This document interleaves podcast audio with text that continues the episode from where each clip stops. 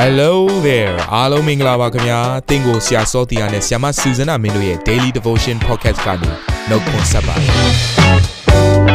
ဆရာနဲ့ဆ iam မတို့ရဲ့အသက်တာမှာဘုရားရှင်ပြုတဲ့ကောင်းကြီးမင်္ဂလာများစွာရှိပါတယ်အဲ့ဒီအထက်ကပြန်လဲစီးဆင်းတဲ့နှုတ်ကပတ်တော်ကိုဒီနေ့မှနားထောင်ပြီးခွန်အားယူကြမှာဖြစ်ပါတယ်နေ့စဉ်10မိနစ်လောက်အချိန်ပေးပြီးမိမိရဲ့အသက်တာကိုကောင်းကြီးဖြစ်စေမယ့်ဘုရားသခင်ရဲ့နှုတ်ကပတ်တော်နဲ့နီးလန်းတွေကိုအတူတကွခံယူကြရအောင်ခင်ဗျာ ရားသခင်ရဲ့ကျေးဇူးတော်ကိုအထူးပဲချီးမွမ်းပါတယ်တပတ်တာလုံးမှာအိမ်တောင်နဲ့သက်ဆိုင်တဲ့ကောင်းကြီးမင်္ဂလာမိသားစုတွေရဲ့အသက်တာထဲမှာယုံကြည်သူညီကိုမောင်မတယောက်ချင်းစီရဲ့အသက်တာထဲမှာတက်ရောက်စေဖို့ရန်အတွက်တပတ်တာလုံးမှာအိမ်တောင်မင်္ဂလာဆိုတဲ့ series ကိုဝင်ငါသွားမှာဖြစ်ပါတယ် day 1အနေနဲ့တော့အိမ်တောင်ရဲ့မင်္ဂလာရရှိစေဖို့ရန်အတွက်ဖရားစကားကိုနားထောင်ပါဆိုတဲ့နှုတ်ကပတ်တော်ကိုဝေမျှပေးလိုပါတယ် အဲ့တော့ကျမ်းစာထဲမှာကြည့်လိုက်မယ်ဆိုရင်ယေရှုခရစ်တော်ကအိမ်တောင်နဲ့ပတ်သက်ပြီးတော့တုံသင်ပြီးဆိုရင်ခမည်းတော်ဘုရားသခင်နီးလန်းကိုအမြဲတမ်းပြန်ပြီးတော့ညွှန်ပြပါတယ်เนาะသူကဘာဦးမှာเนาะဒီနေ့ဘုရားသခင်ရဲ့အဆောက်အဦရည်ရွယ်ချက်ကိုအမြဲတမ်းပြန်လေပြီးတော့ညွှန်ပြတဲ့အတွက်ကြောင့်မလို့စစ်မှန်တဲ့ တာယာပျော်ရွှင်တဲ့မင်္ဂလာနဲ့ပြည့်စုံတဲ့အိမ်တောင်ကိုကျမတို့တိဆောက်နိုင်ဖို့ရန်အတွက်နှုတ်ကပတ်တော်ကဘုရားရဲ့နီလန်းကိုပဲပြန်သွားမှာဖြစ်ပါတယ်ဒီလောကမှာတော့နီလန်းအသွက်တဲ့ရှိပေမဲ့ဒီနေ့ဘုရားရဲ့နီလန်းမဟုတ်ဘူးဆိုရင်တော့ဘုရားကိန်းဝတ်တဲ့တကယ့်ကိုဝမ်းမြောက်စရာကောင်းတဲ့အိမ်တောင်ကြီးမဖြစ်လာနိုင်ပါဘူး။ဒါကြောင့်မလို့ဒီနေ့ကျွန်မနားလည်စီခြင်းနဲ့အိမ်တောင်ရဲ့အစီအစဉ်ကိုရေးဆွဲထားတဲ့ဘုရားသခင်ရဲ့အဲစီမံကိန်းထဲကဒီနေ့အချက်၄ချက်ကိုကျွန်မပြောပြလိုပါတယ်ပထမတစ်ချက်ကတော့ဖရားရဲ့ဆုံးဖြတ်ချက်နဲ့သာ အိမ်တောင်ဘက်ကိုရွေးချယ်ပါအဲ့တော့အာဒန်ကအိမ်တောင်ဘက်ကိုရွေးချယ်တဲ့အခါမှာသူ့ရဲ့ဆုံးဖြတ်ချက်နဲ့ရွေးချယ်ခဲ့ရတာမဟုတ်ဘူးဖရားကအေဝါကိုဖန်ဆင်းတယ်ပြီးတော့အေဝါကိုအာဒန်စီကိုခေါ်လာခဲ့ပါတယ်အာဒန်ကရွေးချယ်ပိုင်ခွင့်မရှိခဲ့ပါဘူးဖရာသခင်ကပဲကနဦးရွေးချယ်ပေးခဲ့တယ်ဆိုတဲ့အရာကိုတွေ့ရပါတယ်။ဒါကြောင့်မလို့သင်ဟာအိမ်အောင်ဘက်ကိုရွေးချယ်မယ်လို့စဉ်းစားလိုက်တိုင်းမှာဖရာရဲ့အလိုတော်ထဲမှာရှိနေတဲ့သူကိုသင်စောင့်တက်ဖွင့်အတွက်အရေးကြီးပါတယ်။ နော်အဲ့တော့ဒုတိယတစ်ချက်ကတော့ဘာလဲဆိုလို့ရှိရင်အာရန်အတွက်အေဝါကိုဖန်ဆင်းပါတယ်ဆိုတဲ့နှုတ်ကပတ်တော်ကိုသင်ပြန်ပြီးတော့ဆင်ခြင်ဖို့ရတဲ့ဖြစ်ပါတယ်။အဲ့တော့အာဒန်အတွက်အေဝါကိုဖန်ဆင်းတယ်လို့ပြောတဲ့အခါမှာအာဒန်ကအေဝါအတွက်တာဝန်ယူပေးရတယ်ဆိုတဲ့အရာကိုပြောနေခြင်းဖြစ်ပါတယ်။ တချို့ချို့သောသူတွေကဟာငါအတွက်မိမကိုဖန်ဆင်းတဲ့အတွက်ကြောင့်မလို့မိမကိုငါဟာအနိုင်ရနိုင်တယ်ဆိုတဲ့အတွေးခေါ်နဲ့အိမ်အောင်ပြုတ်လိုက်တဲ့အခါမှာအိမ်အောင်ထဲမှာတယောက်အောက်တယောက်ကိုကိုနှိမ့်ချခြင်းဆိုတဲ့ဖရားစကားကမထင်ရှားဘဲနဲ့ကြီးနိုင်ငယ်ညှင်းပြတဲ့အရာတွေတော့တကယ်ကိုအစေခံတာတာကိုယ့်ရဲ့အိမ်အောင်မိသားစုမှာတယောက်ကိုတယောက်ဆက်ဆံတဲ့အရာတွေဆိုတာဖြစ်လာတယ်အဲ့ဒီချိန်မှာကွန်ပျူတာချင်းလေးစားတက်ခြင်းဟာပျောက်ဆုံးသွားပါတယ်ဒါကြောင့်မလို့နားလေစေခြင်းနဲ့အာဒန်အတွက်အေဝါကိုဖန်ဆင်းတယ်လို့ပြောပြီးဆိုရင်အာဒန် အေဝါကိုတာဝန်ယူဖို့အတွက်တင်ကိုဖန်ဆင်းပေးလိုက်တာဖြစ်ပါတယ်။ကဲတတိယချက်ကတော့ဗာလဲဆိုရင်အာရန်ထံကိုအေဝါကိုခေါ်ဆောင်လာတယ်။ဒါကြောင့်မလို့အမျိုးသားများ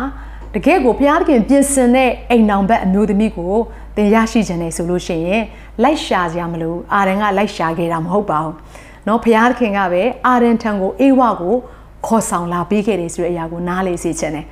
အဲ့တော့အိမ်အောင်ရေးနဲ့ပတ်သက်ပြီးတော့တင့်ကိုဘုရားသခင်ကမပူပန်စေချင်ဘူးသူ့ရဲ့အချိန်ကိုဆောင်ရပါလိမ့်မယ်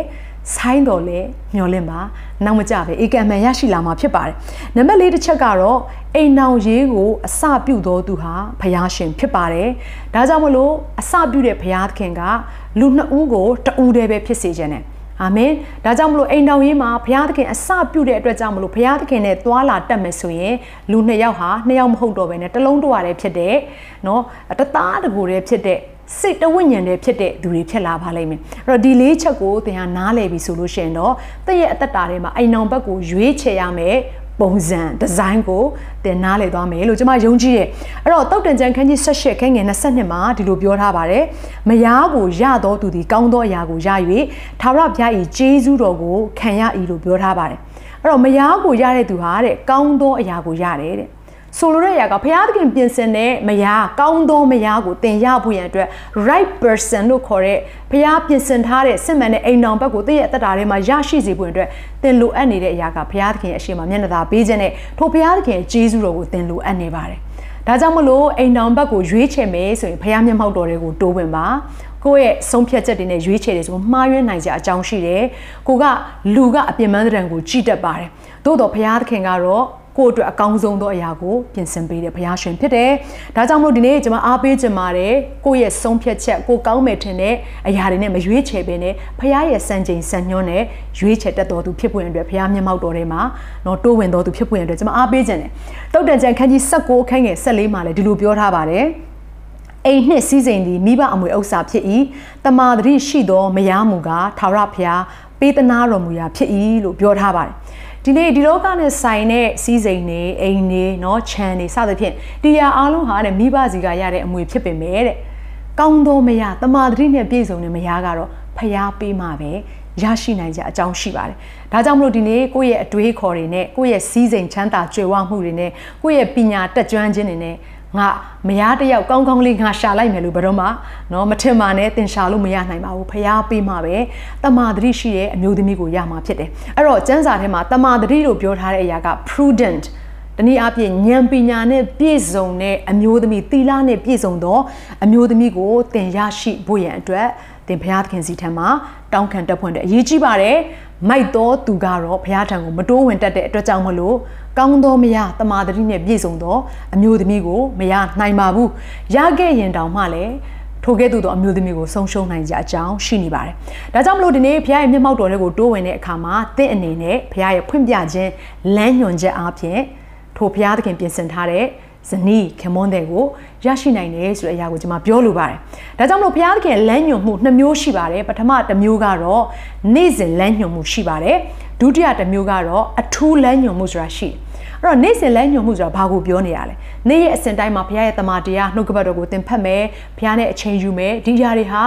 နေ့စဉ်နေ့တိုင်းမှာဒါယုံကြည်သူတိုင်းလှုပ်ဆောင်မယ့်အရာဖြစ်တဲ့ထို့အထဲတွေကနေဘုရားကကျမတို့ကိုစကားပြောနိုင်တယ်စကားပြောလိမ့်မယ်လှုပ်ရမယ့်အရာမလှုပ်ရမယ့်အရာကိုသူကလက်ညွန်ပေးတယ်အဲ့တော့တစ်ဖက်မှာလည်းဘဝရဲ့အချိုးအကွေအပြောင်းလဲတွေကိုဖြစ်သွားစေမဲ့အခြေအနေမျိုးတိုင်းမှာအထူးသဖြင့်အိမ်တော်ရေးနဲ့ပတ်သက်တဲ့အရာလိုမျိုးတွေမှာဒီနေ့ဘုရားခင်ကအထူးလမ်းညွန်မှုကိုလည်းပေးတတ်တဲ့ဘုရားရှင်ဖြစ်ပါတယ်ထိုကဲ့သို့အထူးလမ်းညွန်မှုကိုသင်ရခြင်းနဲ့ဆိုရင်တော့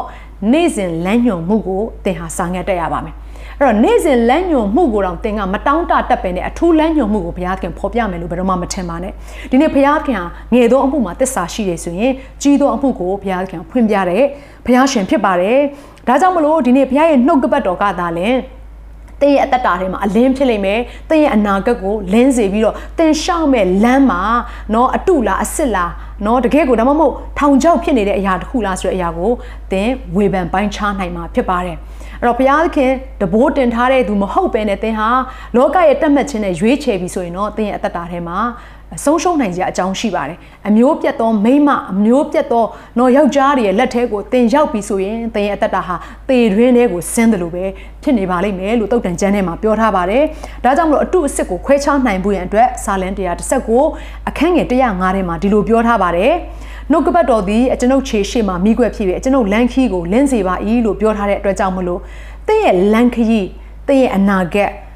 မှောင်မိုက်ထဲကနေကင်းလွတ်ပြီးတော့အလင်းထဲမှာရှောက်လန်းနိုင်ဖို့ရန်အတွက် နော်ကြောက်ထဲကိုမကြဘဲနဲ့မပြိုလဲတဲ့အသက်တာဖြစ်စေဝင်နဲ့သင်လိုနေတဲ့အရာကဘုရားသခင်နှုတ်ကပတ်တော်ကိုသင်လိုနေပါတယ်။ဒါကြောင့်ဘုရားသခင်နှုတ်ကပတ်တော်ကဒီနေ့အိမ်တောင်ရင်းနဲ့ပတ်သက်တဲ့သတိပြုရမယ့်ကြီးမားသောအလင်းတစ်ခုရှိပါတယ်။အဲ့ဒါကတော့ကိုရိန္သုဩဝါဒစာဒုတိယစာဆောင်အခန်းကြီး6အခန်းငယ်14ကနေ16ထဲမှာဒီလိုဖော်ပြထားပါတယ်။မယုံကြည်သောသူတို့နှင့်တွဲဖက်၍စန့်ကျင်ဘက်ဖြစ်သောတဘိုးကိုမထမ်းကြနဲ့။တရားသောအမှုသည်မတရားသောအမှုကိုအဘယ်သို့လက်ခံနိုင်မည်နည်း။ အလင်းသည်မှောင်မိုက်နှင့်အဘယ်သို့ဆက်ဆံနိုင်မည်နည်း။ခရစ်တော်သည်ဘေလျာလနှင့်အဘယ်သို့တင့်တက်နိုင်မည်နည်း။ယုံကြည်သောသူသည်မယုံကြည်သောသူနှင့်အတူအဘယ်အကျိုးအပြစ်ကိုခံရမည်နည်းဘုရားသခင်၏ဗိမာန်တော်သည်ရုပ်တုတို့နှင့်အဘယ်သို့ဆက်ဆံရမည်နည်းဘုရားသခင်မိန့်တော်မူသည်ကသူတို့တွင်ငါကျင်းဝတ်မည်သူတို့တွင်လှည့်လည်၍သူတို့၏ဘုရားသခင်ဖြစ်မည်သူတို့သည်လည်းငါ၏လူဖြစ်ကြလိမ့်မည်ဟုမိန့်တော်မူသည်နှင့်အညီသင်တို့သည်အသက်ရှင်တော်မူသောဘုရားသခင်၏ဗိမာန်တော်ဖြစ်ကြ၏ ဒီနေ့ကျွန်မနားလေစေချင်တယ်ကျွန်မတို့တယောက်ချင်းစီတိုင်းဟာယေရှုခရစ်တော်ကိုမိမိရဲ့ကယ်တင်ပိုင်ရှင်နဲ့အရှင်သခင်ပြည့်ယုံကြည်လက်ခံပြီးတဲ့နောက်ပိုင်းမှာကျွန်မတို့ကဘုရားသခင်ရဲ့ဗိမာန်တော်ဖြစ်သွားတယ်ကျွန်မတို့ရဲ့ကိုယ်ခန္ဓာဟာဘုရားသခင်ဗိမာန်တော်ဖြစ်သွားတယ်ဒါကြောင့်မလို့ဒီနေ့ကျွန်မတို့ရဲ့အသက်တာထဲမှာဘုရားကိုမသိတော့သူဒီနေ့ရုပ်တုစင်တုကိုကိုးကွယ်ပြီးတော့ဘုရားကိုလက်မခံတဲ့သူကိုသင်ကနော်ပေါင်းတင်ပွင့်အတွက်ရွေးချယ်မယ်ဆိုရင်ဒီနေ့ဘုရားရှင်ကဘာပြောလဲစန့်ကျင်ဘက်ဖြစ်တဲ့တဘိုးကိုမထမ်းပါနဲ့တဲ့ဒီနေ့နွားနှစ်ကောင်ဟာတကောင်ကပို့ပြီးတော့ နော်မြင့်နေမယ်ကြီးနေမယ်ထွားကြိုက်နေမယ်နောက်ထပ်တကောင်ကတော့နှိပ်နေမယ်သေးနေမယ်နော်တကယ့်ကိုအင်အားချိနေတဲ့အာနွားတကောင်ဖြစ်နေမယ်ဆိုရင်တဘိုးတင်လိုက်တဲ့အခါမှာဘသူကပူယုံရမယ်ထင်လဲမြင့်နေတဲ့ကြီးထွားနေတဲ့နွားကပူယုံရမယ်မဟုတ်ဘူးလားဒီလိုပဲနော်ကျမတို့ရဲ့အသက်တာထဲမှာဘုရားခင်ကိုတိထားရက်နဲ့နှုတ်ကပတ်တော်ကိုဆန့်ကျင်ပြီးတော့နော်ဘုရားပြတဲ့အလင်းကိုမြင်ရတဲ့သားနဲ့ကြောခိုင်းနေတယ်ဆိုရင်ဒီနေ့တနေ့ကျရင်နော်သင်ယုံကံရမယ့်အရာတွေရှိနေပါတယ် သင်တကယ့်ကိုကြီးစွာသောဝမ်းနေခြင်းမျက်ရည်နဲ့သင်ပြန်လဲပြီးတော့သူ့ရဲ့အသက်တာထဲမှာမိသားစုရဲ့အသက်တာထဲမှာပြန်ရိတ်သိမ်းရမယ့်အရာရှိနေရဲဆိုတဲ့အရာကိုလည်းနားလေစေချင်ပါတယ်တစ်ဖက်မှာလည်းเนาะဆိုပါစို့သင်ရွေးချယ်မဲ့အိမ်အောင်ဘက်ကယုံကြည်သူဖြစ်နေတယ်လို့သင်ထင်နေထားပါတော့နော်သူကယေနှစ်ချင်းလက်ခံပြီးပြီးယေရှုခရစ်တော်ကိုယုံကြည်လက်ခံပြီးပြီလို့ဘလောက်ပဲပြောနေပါစေဒီစကားလေးကိုသတိရစေချင်တယ်အသီးအပြင်အပင်ရဲ့သဘောကိုသိရတယ်သူ့ရဲ့အသက်တာထဲမှာဘာအသီးတွေသီးနေတယ်လဲဆိုတဲ့အရာကိုကြည့်ရမှာဖြစ်တယ် ဘာဖြစ်လို့လဲဒီနေ့တဘိုးညီရင်တောင်မှတစ်ဖက်မှာเนาะကျွန်တော်တို့သိရမယ့်အရာကရေထမ်းတဲ့အခါမှာတဘိုးညီနေရင်တောင်မှရေဘုံးမှာတဘုံးကကြီးတဘုံးကသေးတယ်ဆိုရင်လည်းအဆင်မပြေဘူးမျှတနေဖို့အတွက်လိုအပ်ပါတယ် မဟုတ်ဘူးဆိုလို့ရှိရင်လေးတဲ့ဘက်ကတော့တကယ်ကိုကိုယ့်အတွက်ပင်ပန်းစွာနဲ့ထိန်းကိုရမယ့်အရာတွေဖြစ်လာနိုင်ကြအကြောင်းရှိတယ်ဆိုလိုတဲ့အရာက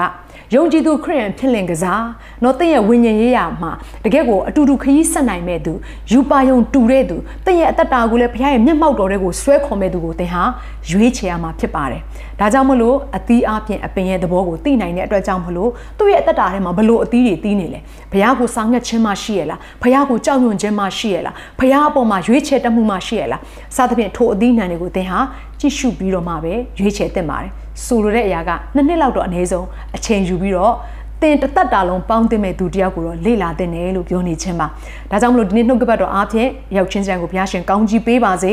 အနာဂတ်မှာမင်္ဂလာနဲ့ပြည့်စုံတဲ့အိမ်တောင်ဖြစ်ပွင့်အတွက်ဘုရားစကားကိုနားထောင်ပွင့်အတွက်ရောက်ချင်းစံကိုနှိုးဆော်လိုပါတယ်ဘုရားစကားကိုနားထောင်သောသူရဲ့အသက်တာထဲမှာလုံခြုံခြင်းရှိပါလိမ့်မယ်အရောက်ချင်းစံပုံမှာဘုရားအထူးကောင်းကြီးပေးပါစေအခုချိန်မှာအရောက်ချင်းစံအတွက်ကျွန်မအထူးဆုတောင်းပေးလိုပါတယ် အသက်ရှင်တော်မူသောဘုရားကောင်းမြတ်သောဘုရားသားသမီးတို့အတွက်အကောင်းဆုံးသောအကြံစီကိုကြံစီထားတော်မူသောဘုရားနာမတော်ဒီဘုန်းကြီးရဲ့မင်္ဂလာရှိပါစေသောဒီနေ့နှုတ်ကပတ်တော်ကိုကြားတဲ့သားသမီးတယောက်ချင်းစံရဲ့အသက်တာထဲမှာမှန်ကန်သောရွေးချယ်မှုများပြုလုပ်နိုင်ဖို့အတွက်သူတို့တယောက်ချင်းစံရဲ့အသက်တာထဲမှာ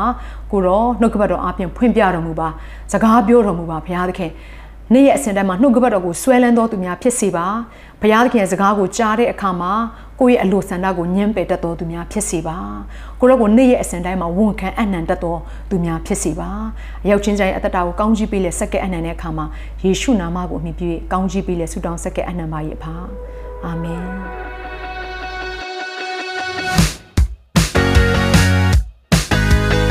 နာတော်တာစင်သူတိုင်းရဲ့အသက်တာမှာကောင်းကြီးဖြစ်မယ်ဆိုတာကိုကျွန်တော်ယုံကြည်ပါတယ် သင်ရဲ့အသက်တာအတွက်များစွာသော resource တွေနဲ့ update တွေကို Facebook နဲ့ YouTube platform တွေမှာလည်းကျွန်တော်တို့ပြင်ဆင်ထားပါတယ် Facebook နဲ့ YouTube တွေမှာဆိုရင် search box ထဲမှာစုစွမ်းနာမင်းလို့ရိုက်ထည့်လိုက်တဲ့အခါအပြအယောင်အမှန်ချစ်ထားတဲ့ Facebook page နဲ့ YouTube channel ကိုတွေ့ရှိမှာဖြစ်ပါတယ်နှုတ်ကပတ်တော်တွေကိုဗီဒီယိုအားဖြင့်လည်းခွန်အားယူနိုင်ဖို့ရန်အတွက်အစင်သစ်ပြင်ဆင်ထားပါတယ်ကျွန်တော်တို့ဝิญဉ်ရေးရာအတွက်အထူးလိုအပ်တဲ့ဖွင့်ပြခြင်းတွေနဲ့ခွန်အားတွေကိုရယူလိုက်ပါနောက်ရက်များမှာပြန်ဆုံတွေ့ကြရအောင်ခင်ဗျာအားလုံးကို နှုတ်ဆက်ပါတယ်